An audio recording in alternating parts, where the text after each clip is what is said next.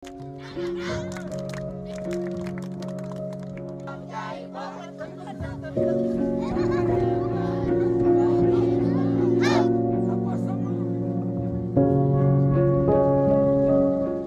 di tengah keterbatasan, keceriaan mulai nampak di wajah anak-anak yang berada di posko pengungsian Jaga Raksa Desa Jambu Diba, Kecamatan Warung Konda.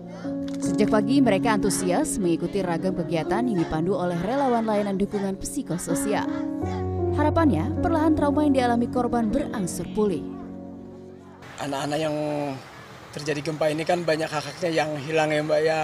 Jadinya kita coba untuk mereka mendapatkan pendidikan, kasih sayang, perlindungan seperti halnya anak-anak yang lain. Ragam kegiatan dilakukan untuk mencairkan dan membangun suasana ceria di pengungsian.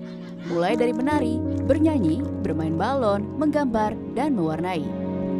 Layanan dukungan psikososial ini menjadi alternatif sekolah darurat bagi anak-anak yang sementara ini belum bisa kembali bersekolah pasca bencana gempa.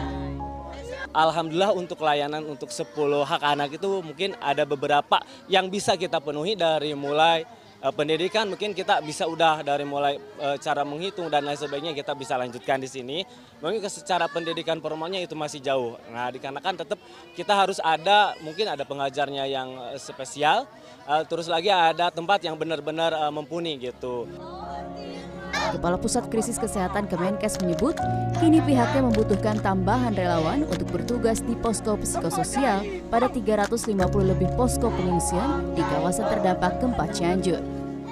itu butuh 500 eh, 105 untuk psikiater, 210 untuk eh, psikolog dan 210 untuk perawat jiwa. Nah, tergantung tim. Jadi satu satu tim itu butuh satu hari butuh dua tempat pengungsian. Desa Jambu Dipa merupakan salah satu desa yang terkena gempa.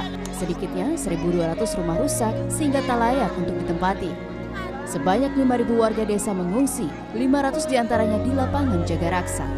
Clarissa Radia, Maria Oktober, Cianjur, Jawa Barat.